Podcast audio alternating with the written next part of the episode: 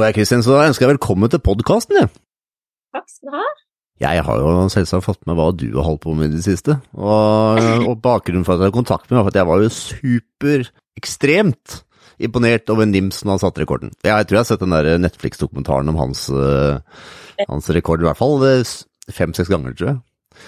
Og så ser jeg at du uh, lå jo foran og Oi, oi, den her, den her så jeg ikke komme. så Kristin, hva, hva, hva, hvordan har du fått til det her? Eh, nei, jeg har jo besteget noen fjell, da. ja, men Du starta vel ikke bare med sånn liten fjelltopp i går, og så har liksom plutselig ligget foran hans rekord? Eller? For det, nå jeg lurer litt, for det er et ukjent navn for meg. Fram til nå, ja. i alle fall. Ja, nei, det har jo, har jo, ja, det har jo gradvis blitt, eh, blitt mer og mer fjell. Og så gjorde jeg Everest og Lotse i 2021, som det første 8000 meter. Um, og, Men aldri gjort noe andre, aldri gjort noe andre Himalaya, aldri, aldri sånne, sånne ting før, eller? Eh, nei, jeg hadde eh, Kilimanjaro som det første høye fjellet som jeg gjorde i 2015. Og vant da en tur gjennom jobben. Og så i våren 2019 så bestemte jeg meg for å si opp jobben. Så eh, dro jeg rett til Nepal og besteg et fjell på 6001 og et på 7002 da når jeg var på det som var på 6001, så så jeg Everest, og så bestemte jeg meg egentlig for å prøve på Everest. Eh, men så kom jo koronaen og alt det her, for det her var i 2019, og så kom koronaen i 2020, så da ble liksom alle Jeg fikk akkurat Aconcagua før, eh, før Norge stengte ned og hele verden. Og så, eh, ja, så ble det jo full, full nedstengning, og bare i Norge hele 2020. Og så Det er ikke bare det, Kristin? Nei da, det var Jeg tror det var det. Ja. så, eh, ja, så kom det mulighet for, for, Everest i 2021, selv om det var en, fortsatt en del covid-restriksjoner. Og etter når jeg kom hjem til Norge, så ble jeg sittende på karantenehotell i en uke og bestemte, ja, bestemte meg for å prøve det her eh, prosjektet. Ja.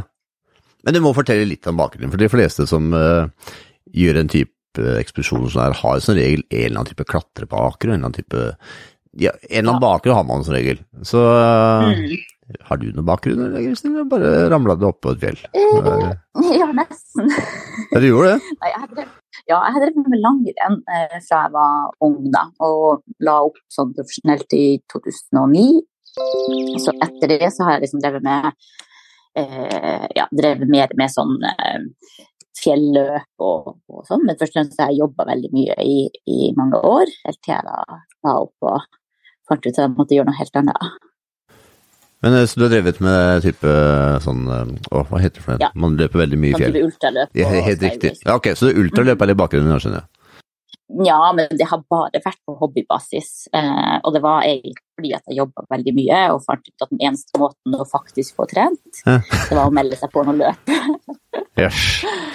Ja. ja, for du begynner med at du nå sitter du og snakker med en som var superimponert over hva Nims klarte på denne rekorden, så du skjønner at det her er Nå tenker jeg, Han var jo på en måte ja. en, en tidligere spesialsoldat, og som i tillegg har bodd oppfødt og oppvokst i Nepal. Så jeg, det her eh, Er, er, det, det genene, eller Kristin? Hva er det som gjør at du har klart å få til det her, da? Uh, nei, altså Først og fremst så må man være villig til å ha det veldig ubehagelig over veldig lang tid. ja, helt klart. Du liker, du liker ikke ting som er behagelige, du da, eller? Eh, jo, altså noen ting. Altså, det er jo sånn som den første dusjen når man kommer ned etter to måneder og, og det første natta i ordentlig seng, så er jo det deilig. Men, men eh, nei, jeg er veldig, veldig komfortabel med det livet som er på fjellet. Og det er veldig sånn enkelt liv der alt egentlig dreier seg om. Og, er ikke deilig? Og, ja, det er utrolig deilig. Er det? det? er sånn befriende å være ute og ja. Så godt å høre. Så jeg syns det er veldig fint. Så godt å prate med likesinnede, Kristin. For ja. i, sommer så solgte meg og samboeren det vi hadde, og flyttet eh, til skogs, holdt på å si.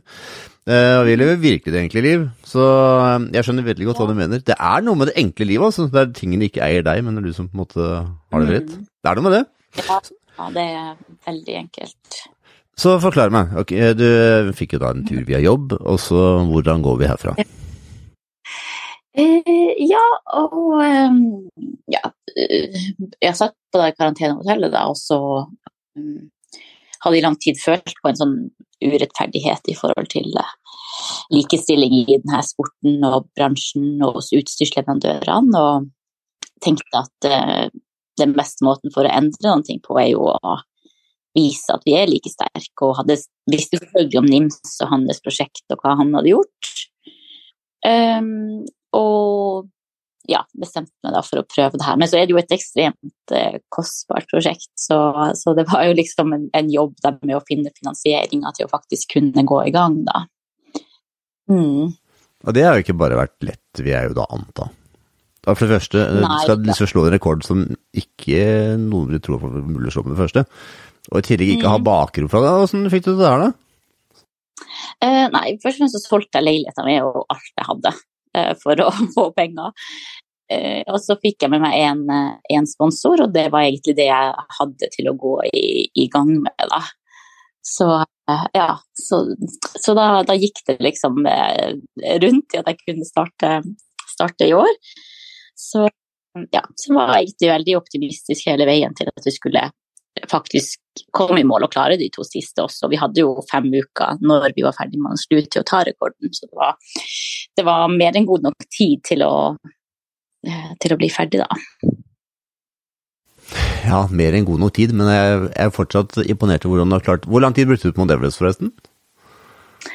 Um, Everest gikk jo egentlig ganske uh, fort. Så sånn fra camp 4 til toppen så gjorde vi det på syv timer bare. Ja, det er bra. Er ikke elleve timer, så, er ikke sånn vanlig? Uh, ja, vi gjorde I 2021 så, så ble det den raskeste kvinna fra toppen av Everest til toppen av Lopse og gjorde dem to på tolv timer. Og så tok vi en ny rekord der i år og ble raskeste kvinne fra topp til topp på åtte og en halv time. Så bra. Men hvordan har man forflyttet seg fra topp til topp på den tiden der, da? Hvordan, eh, hvordan fant du det? hvordan jeg fant på å gjøre det. Ja, hvordan, hvordan får du det til i praksis? Løper man ned fjellsiden, eller hvordan gjør man her for å liksom rekke to topper på den tiden? Mm, nei, altså man, man, går jo først opp til fra Camp 4 opp til toppen av Everest. Ja, Men det er kø der også? Da. Ja, men uh, i 2021 så passerte vi sikkert 100-150 stykk på tur opp, og var på toppen bare etter seks timer. Så selv om det var mye kø, så var det mulig å være veldig rask opp. Men det er jo en litt annen greie enn å gå i et ferdig fiksa tau, for det her gikk vi jo bare med et lite tau mellom meg og sherpaen min. Som betyr at hvis en av oss detter, så, så må den andre stå, ellers så detter vi langt. um, så det, det, er jo klart at det, det, er folk der. Men i 2022, altså nå i vår, da, så var, så var, det veldig dårlig vær. Det var veldig mye vind, og da var vi de eneste på toppen. Ja, Du var eneste på toppen, ja? Ja. Jeg har jo intervjuet ganske mange etter hvert som har, uh, som har gått mot Everest. Uh, blant annet en som heter James Bruman, som var den første, eller en av de ti brite historiene som gikk opp uten ekstra oksygen, om jeg husker riktig. Mm. Uh, mennesker som er blinde på toppen. Jeg har intervjuet mange mennesker som er på toppen mot Everest etter hvert. Det er vel den første jeg har pratet med som har passert 100 stykker på vei opp. For de fleste syns jo dette er tungt. Så hva er årsaken til at ikke du syns at ett skritt er like tungt som alle andre? Hva, hva, er, hva Jeg er veldig nysgjerrig. Hva er grunnen til det? Ja, Nei, altså jeg, jeg syns jo det er tungt og krevende, liksom. Det, det syns jeg jo. Men, men, det er ikke så farlig å være sliten, og det er ikke så farlig å ha det litt tungt. Det går eh, helt fint. Og noen lever på en måte mye mer komfortabelt med det, mens andre sliter mer når når ting blir ukomfortabelt. Og det, man ser det veldig godt på de fjellturene som vi, vi, er på, så ser vi hvem som sliter liksom, med det, og hvem som liksom, tar det ganske greit. da. Men handler ikke dette om oksygenopptak? Det er vel det som ofte er problemet for mange? da? Kan man klare for nok luft? Nei, der, eller? egentlig ikke. Uh, vi ser ofte folk som har veldig godt oksygenopptak, som, uh, som ikke klarer seg bra i høyden. Men man må jo være uh, ja, godt akklimatisert og, og tåle den tynne lufta som det er. Og så må man jo man må jo være i en god fysisk form, det er det jo ingen eh, tvil om. Hvor er du fant han sherpaen, da? For det er jo også en ganske viktig detalj der. Hvor er du gravd opp han? Nei, så jeg var med et selskap som heter Madison Mountaineering på, eh, på Everest Roadster i 2021. Så et selskap fra USA.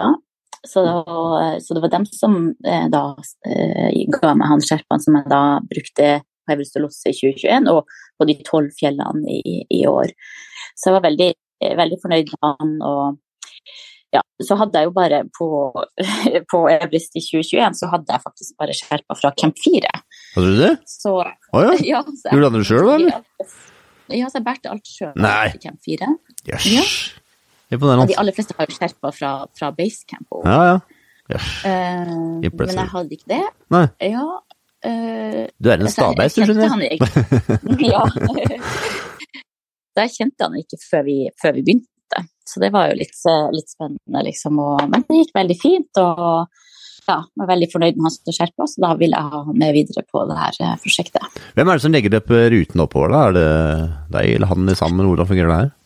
Um, det er et fiksing-team, så det, er litt forskjellig fra topp til topp. Men sånn som Everest, så er det jo et veldig organisert opplegg rundt, rundt det her med fiksing og tau og sånn. Så de har ett team som fikser fra basecamp og opp um, Eh, opp til eh, isfallet er ferdig, altså opp til camp 1 eller camp 2, og så har de et team som fikser over der. Som, eh, som passer på tauene, og det er veldig sånn organisert. Men så har vi andre fjell der det ikke er ferdig fiksa tau, der vi enten må fikse tau sjøl, eller gå uten fiksa tau. Ja, for eksempel K2 er vel Der må man fikse det sjøl, der er vel ikke noe ferdig Det er ikke, det, er ikke det verdens farligste fjell, Kristin? Er det ikke det? Nei, det Annapurna er farligere. Ja, ok. Um, og K2 var liksom det er et farlig fjell, men for min del så var det et av de enklere fjellene, faktisk. Ja, Var det det? Hva var grunnen til det, da? Det er litt fordi at det er fiksa tau hele veien.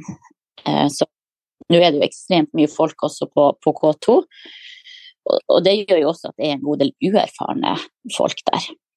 Og en del uerfarne folk gjør jo at det blir større eh, fare for steinsprang.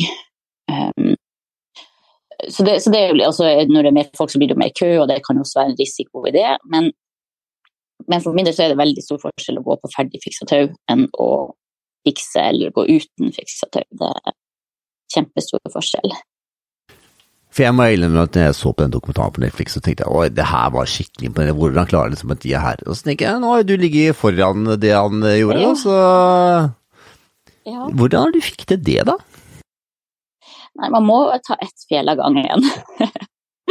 og ett steg av gangen. Det, det, er liksom Det å holde seg til, til, det og bare konsentrere seg om det fjellet man er på, tror jeg er en ekstremt viktig, viktig ting i et sånt her. Ja. Men du hadde ikke noen sånne øyeblikk underveis? Nei, det vet alle her gå ikke, altså. Du har, ikke, du har ikke noen sånne øyeblikk, eller? det har vært noen episoder som har vært mer ja, både utfordrende og, og ja, man ser i ettertid at ups, det kunne gått galt, liksom. Ja, har du eksempler? Ja, vi hadde på Annapurna, som var det første fjellet, så og det er et ekstremt farlig Er det det fjellet som stikker litt ut, er det ikke det? Så hvis du ser på det, så er det det ser nesten som det fjellet fra Ringenes herre? Er det det fjellet? Husker jeg riktig? Eh, jeg tror du tenker på Manaslu, da. Ja, stemmer. Yes, stemmer. Manaslu. Ja. Mm. Så, eh, nei, så vi sto på når vi hadde gått fra camp 2 til camp 3, og det var en veldig lang dag, så vi brukte elleve timer. Og så så vi fem stykker i ett telt, og da ligger vi på en sånn isblokk, og over den isblokka så henger det en svær isblokk over oss. Mm, så det er sånn et veldig, veldig krevende parti fra camp 2 til camp Du sov under en isblokk? Ja. ja sov du da i det hele tatt, eller? ja, ja, det gjorde det? Æsj. Mm. Um, og så bestemte vi oss for å bli der én natt til. Uh, og det var sånn greit i forhold til akklimatiseringa, fordi at man fikk mer tid til å akklimatisere på den høyden. Men det ville vært mye tryggere å gå helt uh, opp til neste camp, og det var bare noen timer unna. Så hvis vi hadde visst det, så hadde jeg nok pressa gjennom at vi skulle gå. For det som skjedde neste natta, da var at det kom to telt til, så vi var liksom fire, fire pluss fem der. Og så, når vi sto og gjorde oss klare på morgenen til å gå videre, så begynte den isblokka å bevege seg og braka og buldra, og alle bare hylte og skrek og sprang i alle retninger. Men det var liksom ingen plass å, å, springe og gjemme seg. Men du har aldri vært av den nervøse typen, da, skjønner jeg? Nei, det er jeg ikke. Og jeg tror ikke Jeg tror det er greit å ikke være det når man skal på sånne her ting. Men har du i oppveksten vært en person som liksom har vært veldig mye ute i skog og mark? Eller? For det, det, det, må være en rød tråd her en plass. Du er ikke bare som kontorrotte som plutselig bare ramler opp i et fjell. Det må jo være må, noe sammenheng må det være her. Ja. ja. da, jeg har jo vært mye ute på tur, og jeg tror jo det er liksom å vokse opp i, i Finnmark og drive på med langrenn der på vinterstid når det er mørkt og storm og snø og alt, så tror jeg man blir Blir herda, da. Ja, jeg tror man blir herda. Så du vil egentlig si at eh, Finnmark på vinterstid er verre enn å gå K2? ja, det, det, kan i hvert fall være veldig, veldig krevende, men det er jo helt annet ja, helt klart. Fordi at du har høyden mm. Eh, som man ikke har i og høyden gjør jo også at ting blir eh, annerledes, så at man får en annen risikofaktor. Ja, helt klart. Jeg tenker mer på en følelsen av ubehag. Det er, litt mer, mm. det er jo vidt to forskjellige, det er som sammenligner appelsiner ja. og bananer. Men den der følelsen av ubehag, jeg antar at den er ganske lik uansett hva du på en måte står i, men det er jo uansett en følelse av noe ubehagelig. Kjente du mm. på en måte litt igjen, eller? Det der, ok, her er her er, jeg har erfart det her før, så det er jo ja, greit. Ja da, det, det er mange sammenhenger. Og nå har jeg jo vært på veldig veldig mange fjell i løpet av ja, de siste årene også, så, så vet du liksom hva man uh, går til. Men det var ikke sånn at du var liksom gående i form underveis, eller fikk litt høydesjuke, det var liksom ingen sånne ting, eller? Jo, um, jeg kjenner høyden ofte ganske tidlig og ganske mye. Jeg virker ikke sånn. jeg gjør du det? Nei, jeg akklimatiserer meg ganske bra. Ah, ja. eh, alltid, sånn som når jeg skulle på Everest i 2021, så begynte jeg å spy på 4000 meter over havet. Gjorde du det? Oi. Mm. Spydde halvveis. Den er kjip. ja, så det, det Ja, så jeg kjenner høyden ganske mye og tidlig, men jeg tilpasser meg alltid bra. Og sånn som man driver på med sånt her prosjekt, så, så, er det jo, så er det jo etter hvert godt akklimatisert. Ja, for er det sånn at det vedvarer det egentlig fra fjell til fjell, eller? Ja, så lenge ikke du er for lenge nede. Ja, ja det rakk ikke du. Jeg, nei.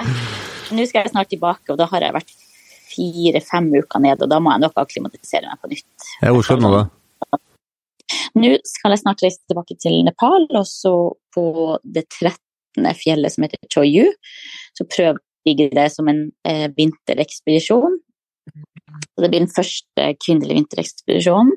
Så prøver å eh, prøve å bestige den fra Nepal, som blir også den første, første bestigninga på den ruta fra Nepal. Så det, ja, det tror jeg blir veldig spennende. Hva er det som frister med det, da? Hva er det som er den store gulrota her? Ja, den, den, største er jo å få fjell nummer 13 og få den huka på lista, for nå skal jeg jo neste år begynne på nytt igjen. Begynne på nytt igjen? Eh, ja. ja, fortell. ja, så, så, jeg skal da gjøre 14 pluss 14, så nå har jeg 12, så da må jeg ta de to jeg mangler, og så skal jeg ta alle på nytt, da. På nytt? Ja. Hvorfor skal du ha den ute? Mest fordi at vi ikke fikk, eh, fikk, rekorden i år da, og hadde såpass god tid. og uh, har jo fortsatt lyst til å, å, ta den på kortest mulig tid. Så det er jo en plan. Men selvfølgelig så må, så må jeg få det visumet som Ja, for det som er utfordringen. Ja. Mm. Det er liksom eh, greia, da, å prøve å få den, den på plass fortest mulig. Ja, Tror du den går i havn i år, eller? Om jeg tror at eh, når, når, tror du visumet kommer? Når tror du på en måte oh, det er på plass? Helt, helt, umulig å si.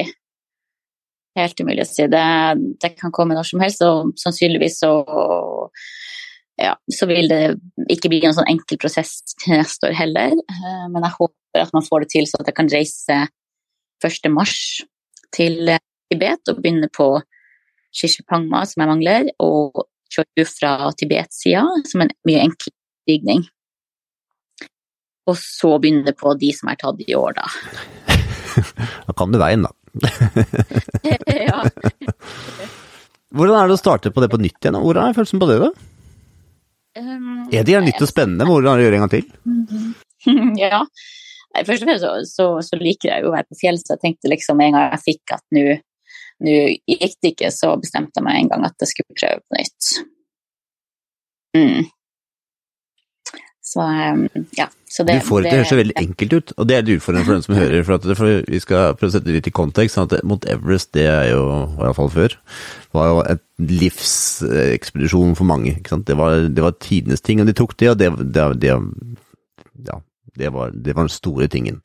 Men her sitter du liksom nonchalant og sier nei, de tolv fjella, det vet du hva, det, det var egentlig veldig greit. Det var en gang jeg sov under isblokk, og så ja, litt ubehag. Det høres jo veldig enkelt ut, da.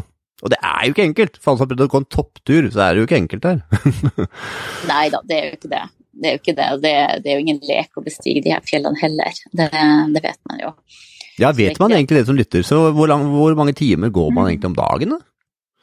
Hvordan fungerer det? det? Ja, alt fra to timer mellom hver camp til den lengste økta som jeg hatt, har vært 41 timer. 41 Ja, da har du sovet underveis, eller? Hæ? Du sov underveis da, eller?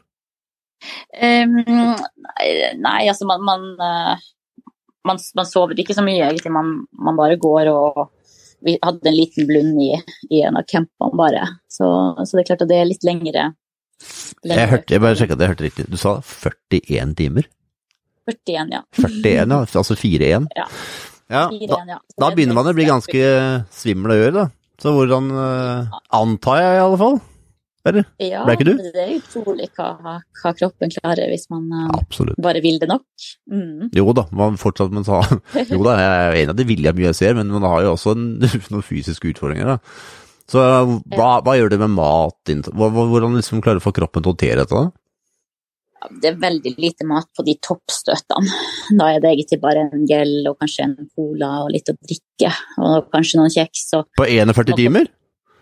Mm, ja, det var ikke mye vi spiste da, men eh, ja, jeg mister alltid veldig, veldig mange kilo på Ja, det kan jeg skjønne. det kaloriinntaket her, så ja. ja, Da spiser du så ja, lite? altså, det bare, ja, det spiser veldig lite, men Ja. det er jo litt sånn at eh, alle periodene som jeg er nede, så må jeg legge på meg mest mulig. Ja, det skjønner jeg. Mm. Er det grunnen til at du spiser så lite ved oppover òg, eller? Litt at man ikke har noe matlyst. Og det blir sånn i høyden, jo høyere opp man, man kommer, jo mindre matlyst eh, får man. Fall så får, eh, får jeg det.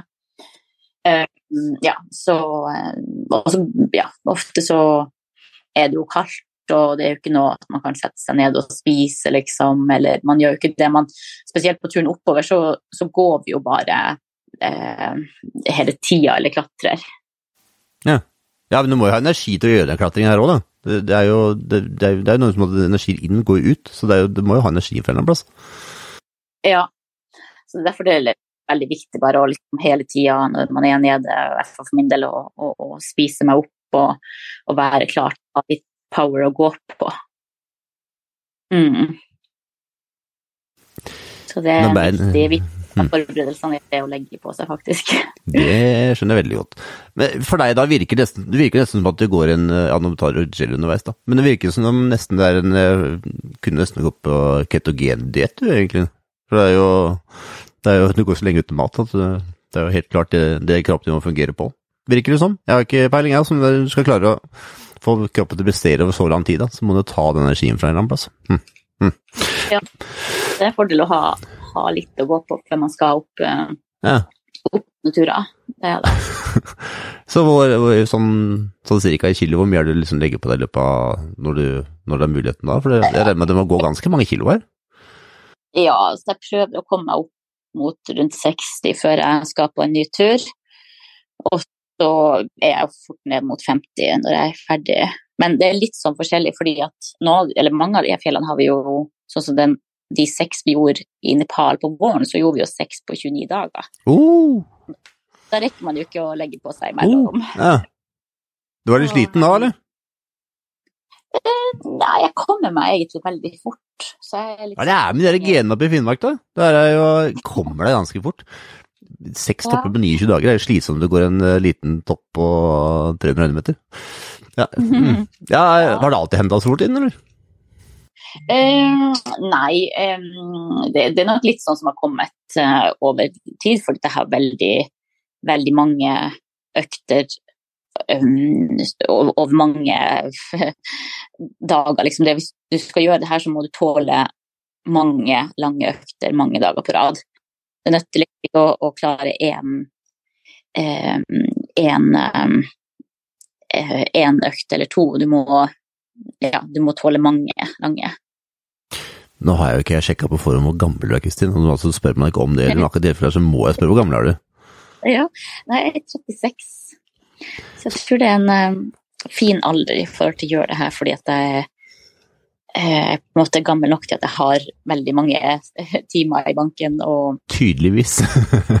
ja, og tåler liksom belastninga. Og, Ja, det er tydelig. Mm. Men du må jo ha hatt harde treningsøkter før, du må jo altså, kroppen din er tydeligvis ikke ukjent for til store belastninger. Det er det er tydelig. Nei da, eh, kroppen er jo godt vant til det. Og jeg har jo, siden jeg sa opp jobben min i 2019, så har jeg jo nesten bare vært på tur. Og um, ja, og da liksom kroppen Det er utrolig hva kroppen blir vant til. Og det er liksom bare å løpe sånn uh, halvmaraton i, i fjellene i Italia for et par uker siden, og da er jeg liksom kjempeglad etter, etter en halvmaraton. Kult. Du stakk, du stakk til sola, du, i snikk. Hæ? Ja, Reiste til Norge som dårlig, dårlig vær. Ja, Var det fint der, eller? ja, det var veldig fint. Var det skyrun eller noe sånt, eller? Så det var en sånn, skyrun, det var sånn trailrunning. eh, Det er kult. Mm. Ja, veldig. Men du er ikke noen plaga med noen skader eller den type ting, eller? Uh, nei, jeg er veldig heldig. Jeg blir, jeg blir litt skada av å være nede fordi jeg sitter så mye. Og når jeg sitter veldig mye, så får jeg litt vondt uh, i hodet. Så, så nei, jeg må holde meg, holde meg i bevegelse. Men så ble jeg truffet av en veldig stor, um, stor stein på Nanga Parbat, det første fjellet i. Så da mm, ja, måtte jeg inn på sykehus i, i eh, Skardu. og ja, eh, ja, heldigvis så fikk vi, fikk vi litt dårlig vær Ja, hva skjedde? før vi skulle. Da kom steinen rullende mot deg, da, eller? Ja, altså, Nanga Parbat er et veldig farlig fjell. Eh, og veldig mye stein der i år. Og vi var egentlig kommet oss til et eh, trygt område og hadde tatt av hjelmen og var i prinsippet ferdig. Vi var to minutter unna basecamp. Skulle bare ned en liten uttørka elv, så ned på ene sida og opp på andre. Uh, og så var det såpass bratt ned at det var et tau der. Um, og når jeg kom og dro i tau nummer to, så kom det en svær stein som rett i låret. Så jeg knuste telefonen og ja, hadde problemer med å gå, så jeg var ikke sikker på at den ikke var, var brekt. Ja. Så der forsvant Instagram-bildene? ja, det er telefon på, så det, var bare kamera på, på feil side som var ødelagt. Og bøyd faktisk også. Hva er det du finner så veldig, hva skal jeg si, jeg bruker ordet magisk, jeg, med det livet her? Mm. Ja, nei, først og fremst er jeg veldig glad i å være ute på tur. Det, det er en fordel å, å like det livet, da. Det, det er det. Ja, det, det tror jeg er kjempeviktig, å, å like det og være komfortabel med det og liksom trives i telt og alt det der. Det, jeg- Ja, det er noe deilig med det. Det er noe sånn magisk med telt. Noe veldig sånn derre Hvis jeg hører seg venn Jeg hadde Nå er jeg ikke i noe forhold til deg, selvfølgelig, men jeg har jo to barn på fire, nei, fem og, og åtte. Og i sommer så hadde vi 70 døgn i telt. Oi, det er bra. Eh, ja, det var vi fornøyd med. Da var de ganske lei, kan du si. Eh, og det er noe med at når du først liksom har vært hele sommeren i telt, så har du ikke, iallfall ja. ikke jeg, så hadde ikke jeg lyst til å inn igjen. Jeg finnes ikke sove når jeg kommer inn igjen, for liksom vent alle, alle lydene som er der, den derre Bare være i Mm. ett med naturen, det er noe veldig deilig med det. Veldig deilig. Så jeg har jo ja, vært veldig mye ute på tur de siste årene. Og det er klart at den første natta i, i en seng og få dusja, det, det er deilig. Men, men etter det så kommer jeg ut igjen. Ja, ja, jeg, det, er, det er rart å si det, men jeg forstår. Utenom fjelltoppene, det forstår jeg ikke. Men jeg, det med teltlivet, det forstår jeg veldig godt. Ja. Eh, så teltlivet, skjønner du den. Du, hvem er det du fikk med deg som, eh, som telt- og sovepose-sponsor, er det? Eh, nei, vi har ikke eh, Vi har egentlig ingen. eh, Ja, ingen? Som, nei. Så går det her, da? eller? Har Helsport sovet på vakt, eller hva er det som Hva har skjedd? Nei da, vi kan vel, kan vel være vi blir enige med noen om ikke så veldig lenge. Ja, så bra. Så, hvem, hvem, hva, hva brukte du nå, da? Nei, jeg har brukt litt forskjellig. Det er egentlig de her selskapene i Nepal som, som stiller opp med telt, og de trenger med det. Ja, det var litt eh, Det er jo sånn når man eh, er mye på tur, så er man alltid nysgjerrig på utstyret som blir brukt. Ja, ja, ja. Eh, Og så er vel eh, Helsport har vært ganske eh, mye brukt eh, til den type ting, har det ikke det? Ja, i hvert fall på de vinterekspedisjonene så har de jo vært veldig mye. Eh, Og Børge jo, har jo utvikla masse i forhold til hans eh, vinterekspedisjoner. Jeg har det der ene Mm. ekstremteltet som han utvikla. Jeg er veldig fornøyd med til vinter, Ja. vinter, til vinterbruk. Men Mm. hva, hvordan går du fram for å Sånn i forkant så må du jo antar, du skal jo spise ned for å legge på så videre. Eh, Hva har du fokus på for å måtte klare å gå nok opp i vekt av det? For det, det er ikke bare enkelt det heller. Nei, men for min del så er det veldig enkelt, for jeg er veldig glad i mat. Ja, ok. Og veldig glad i is og boller og kaker. Og. Jeg spiser hva som helst med kalorier der. ja, ja, jeg ser det. Ja, og så tenker jeg at det, i ditt tilfelle så har jo ikke det noen ting å si. Hva det kommer inn av kalorier uansett. Var det kalorier. det er det viktigste. Så det er egentlig bare å spise hva som helst. Men har du noe, har du noe fokus på, for en ting vi er jo veldig gode på det med å få kalorier og så videre. Men sånn med mikronæring og sånn da, for liksom D-vitaminer og vitaminer og sånn, har du noe fokus på det? Nei. Nei. Nei. Hadde jeg hatt noen problemer, så hadde jeg sikkert, eh, sikkert tenkt på det, men, eh, men eh, nei da, det Det får litt, du får litt sol på toppene, gjør du ikke det? Ja da. Det er jo eh, Ja, man er jo ofte i, i sol. Ja, så det var det jeg var det jeg antok. Det var liksom ikke det som ble noe mangelvare. Men det, akkurat det, det jeg syns er litt sånn interessant tema, for de fleste jeg på en måte prater med, Børge Ausland har jeg også pratet med noen ganger, så det er aldri noen som, så vidt jeg kan huske i alle fall, som har noe særlig fokus på det med mikronæring. Jeg har som regel fokus Nei. på det med makronæring, altså får du nok proteiner og fett og kalorier, altså, altså karbohydrater, mener jeg. Og så er det liksom Mm. det som er fokuset. Men alt den mikronæringen da, som vi også kroppen har veldig behov for, den tenker vi svært Mm. sjelden på. Og da har jeg vært litt sånn nysgjerrig på det. Kan man egentlig, tror du man hadde fått, kunne, det er helt feil person å spørre egentlig, men kunne man forbedre prestasjonene, tror du, om man hadde hatt mer fokus på mikronæring kontra bare makronæring? mm, Skal det mye til at du kunne prestert noe bedre, altså, men Mm. tror du det kan være mulig? Ja, det er sikkert mulig å forbedre noen ting, det er det helt sikkert. Um, ja, og jeg tror at hvis jeg hadde følt meg dårlig på noen som helst måte i, i forhold til um, ja, hva slags næringsstoff jeg fikk inn, så hadde jeg helt sikkert begynt å undersøke om det var noe jeg kunne tilføre Mm. det bedre. Ja, for jeg tror de Unnskyld å avbryte, men jeg tror liksom det vi tar for, uh, tar for gitt da, jeg, husker Husk på at jeg er bare en uh, podkastvert som er litt interessert i kosthold, så jeg, jeg, kan, jeg er på ingen måte noen ekspert. bare så ta, Du som lytter òg, du må ta det med klype salt og søke opp selv. Men jeg minnes å huske at eh, eksempelvis D-vitamin den er vel eh, ansvarlig for 200 forskjellige operasjoner i en kropp. Mm. Eh, nå får du sol, da, så det må det løse seg jo. Jeg, jeg husker at det gjelder, det gjelder samme for f.eks. eksempel C-vitamin også. C-vitamin også er ansvarlig for veldig mange forskjellige kjemiske prosesser i en kropp. Løpende er tre, nesten 300 eller 400 forskjellige prosesser som den, er, som den er avhengig av, og det er jo en av de få tingene som kroppen ikke lenger eh, produserer selv. Før, for mange, mange, mange, mange for tidlig evolusjonen så produserte vi C-vitamin selv, men det gjør vi ikke lenger nå.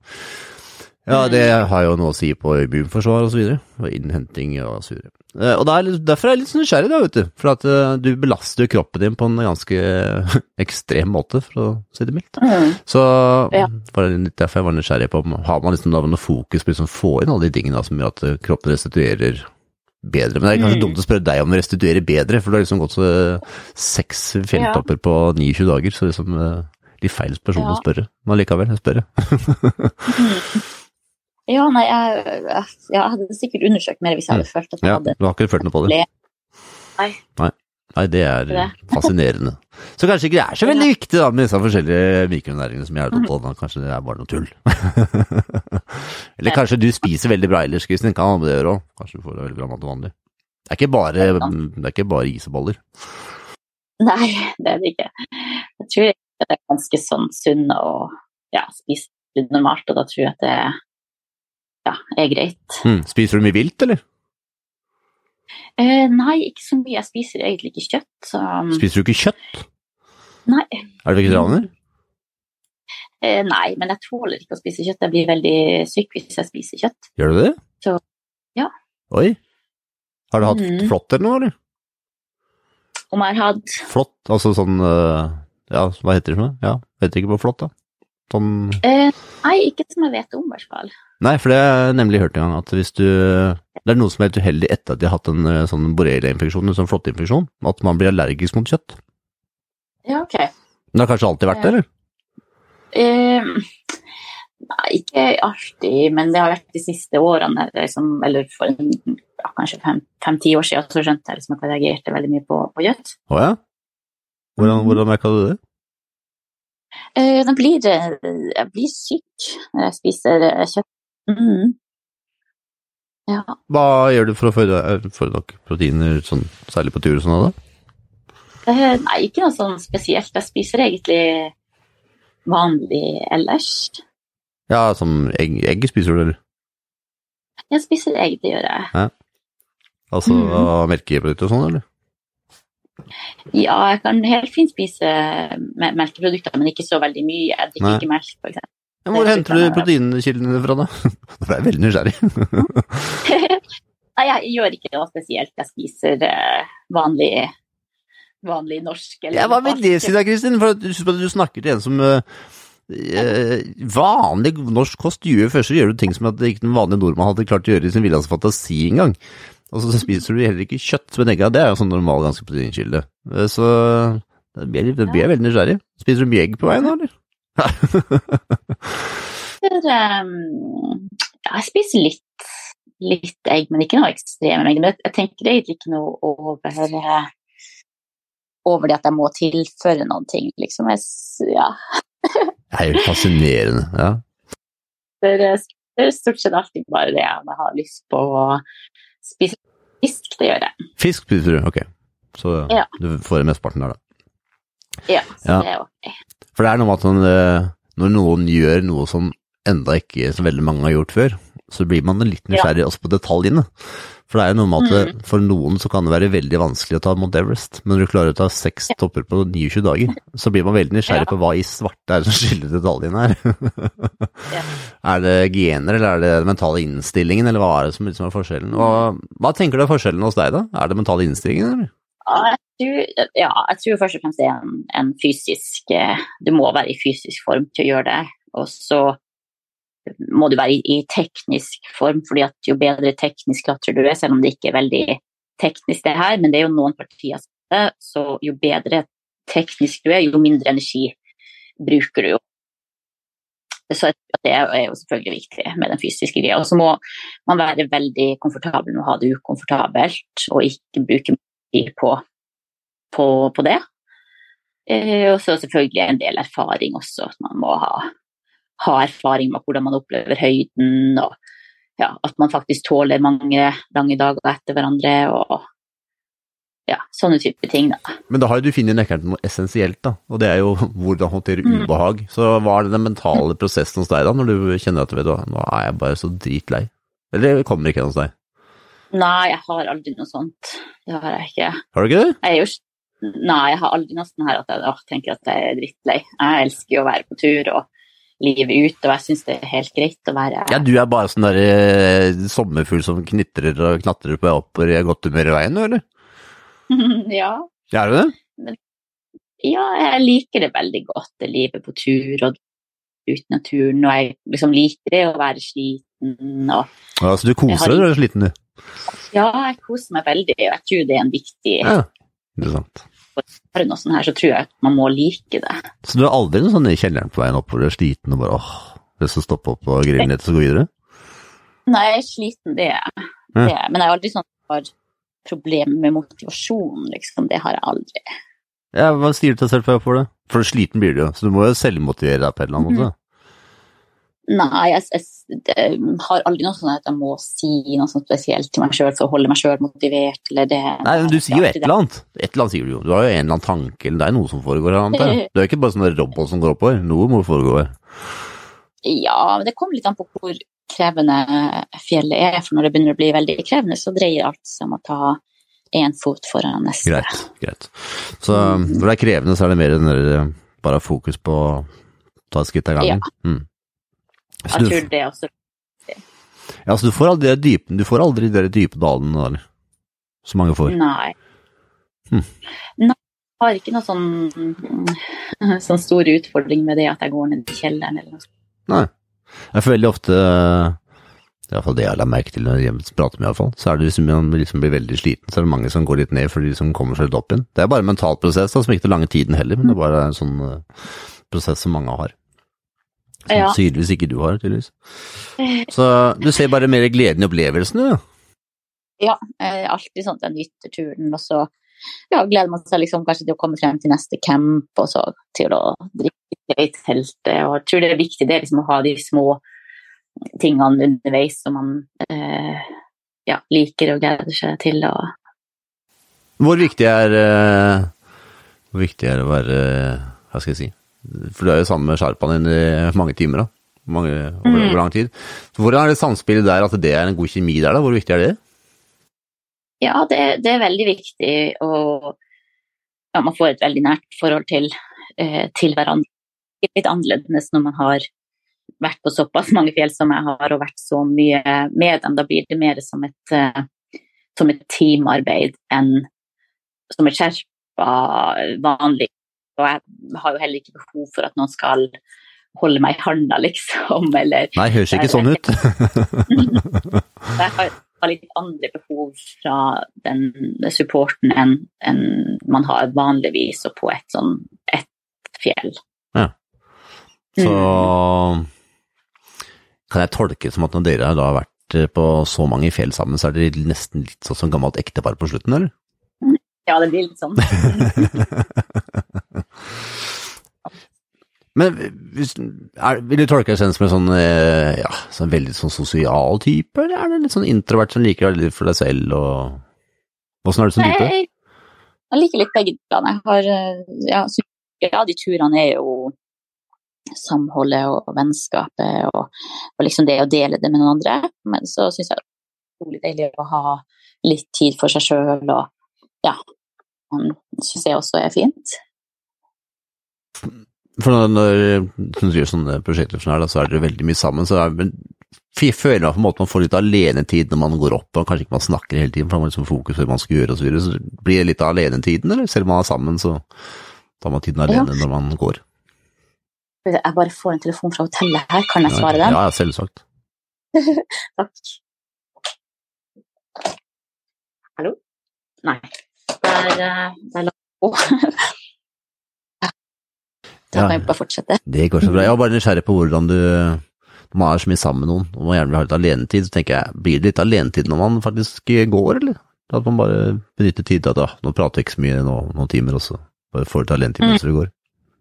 Ja, Er det sånn det funker? det. Man, man prater ikke så mye når man eh, er mellom hver camp. Altså, litt sånn at hvis man går for eksempel fra basecamp til camp 1 og sånn, og det er enkelt, og ja, så er det litt sånn konkret med det. Men jo høyere opp man kommer, jo mindre Mindre prat eh, små prating blir det. Men noe høydesyke fikk du ikke, eller? Ikke alvorlig høydesyke, det, det får jeg aldri. Eller jeg har ikke fått det nå i hvert fall, bak i bordet. Men, eh, men jeg har jo sett noen som har vært veldig, veldig syke. Jeg husker, eh, som jeg sa, han som gikk opp uten ekstra oksygen, han eh, fortalte meg at Det er noen år siden jeg prata med ham, men jeg minnes å huske i alle fall at uh, han eh, var på toppen, og på vei Mhm. ned var det vel, så var det akkurat som han hadde havnet sånn eh, Ja, hva som han sa?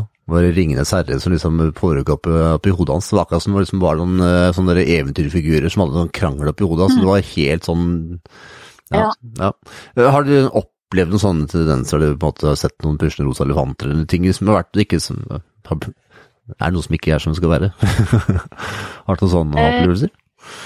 Nei, jeg har ikke det, men på, på det første høye fjellet som var Kilimanjaro, så, så mistet jeg synet på tur opp og, og var veldig, hadde veldig vondt i hodet og var veldig kvalm. Og så spydde jeg, og så ble det litt bedre. Eh, og så fikk jeg en runde der jeg mista synet, og så spydde jeg igjen, og så ble det litt bedre. Så det var litt sånn, ja. Når du mister synet, Kristin, og jeg vet at det er ganske sånn vanlig greie, men uh, allikevel, blir du litt rolig da, eller er du fortsatt like rolig? Ja ja, det er prosessen.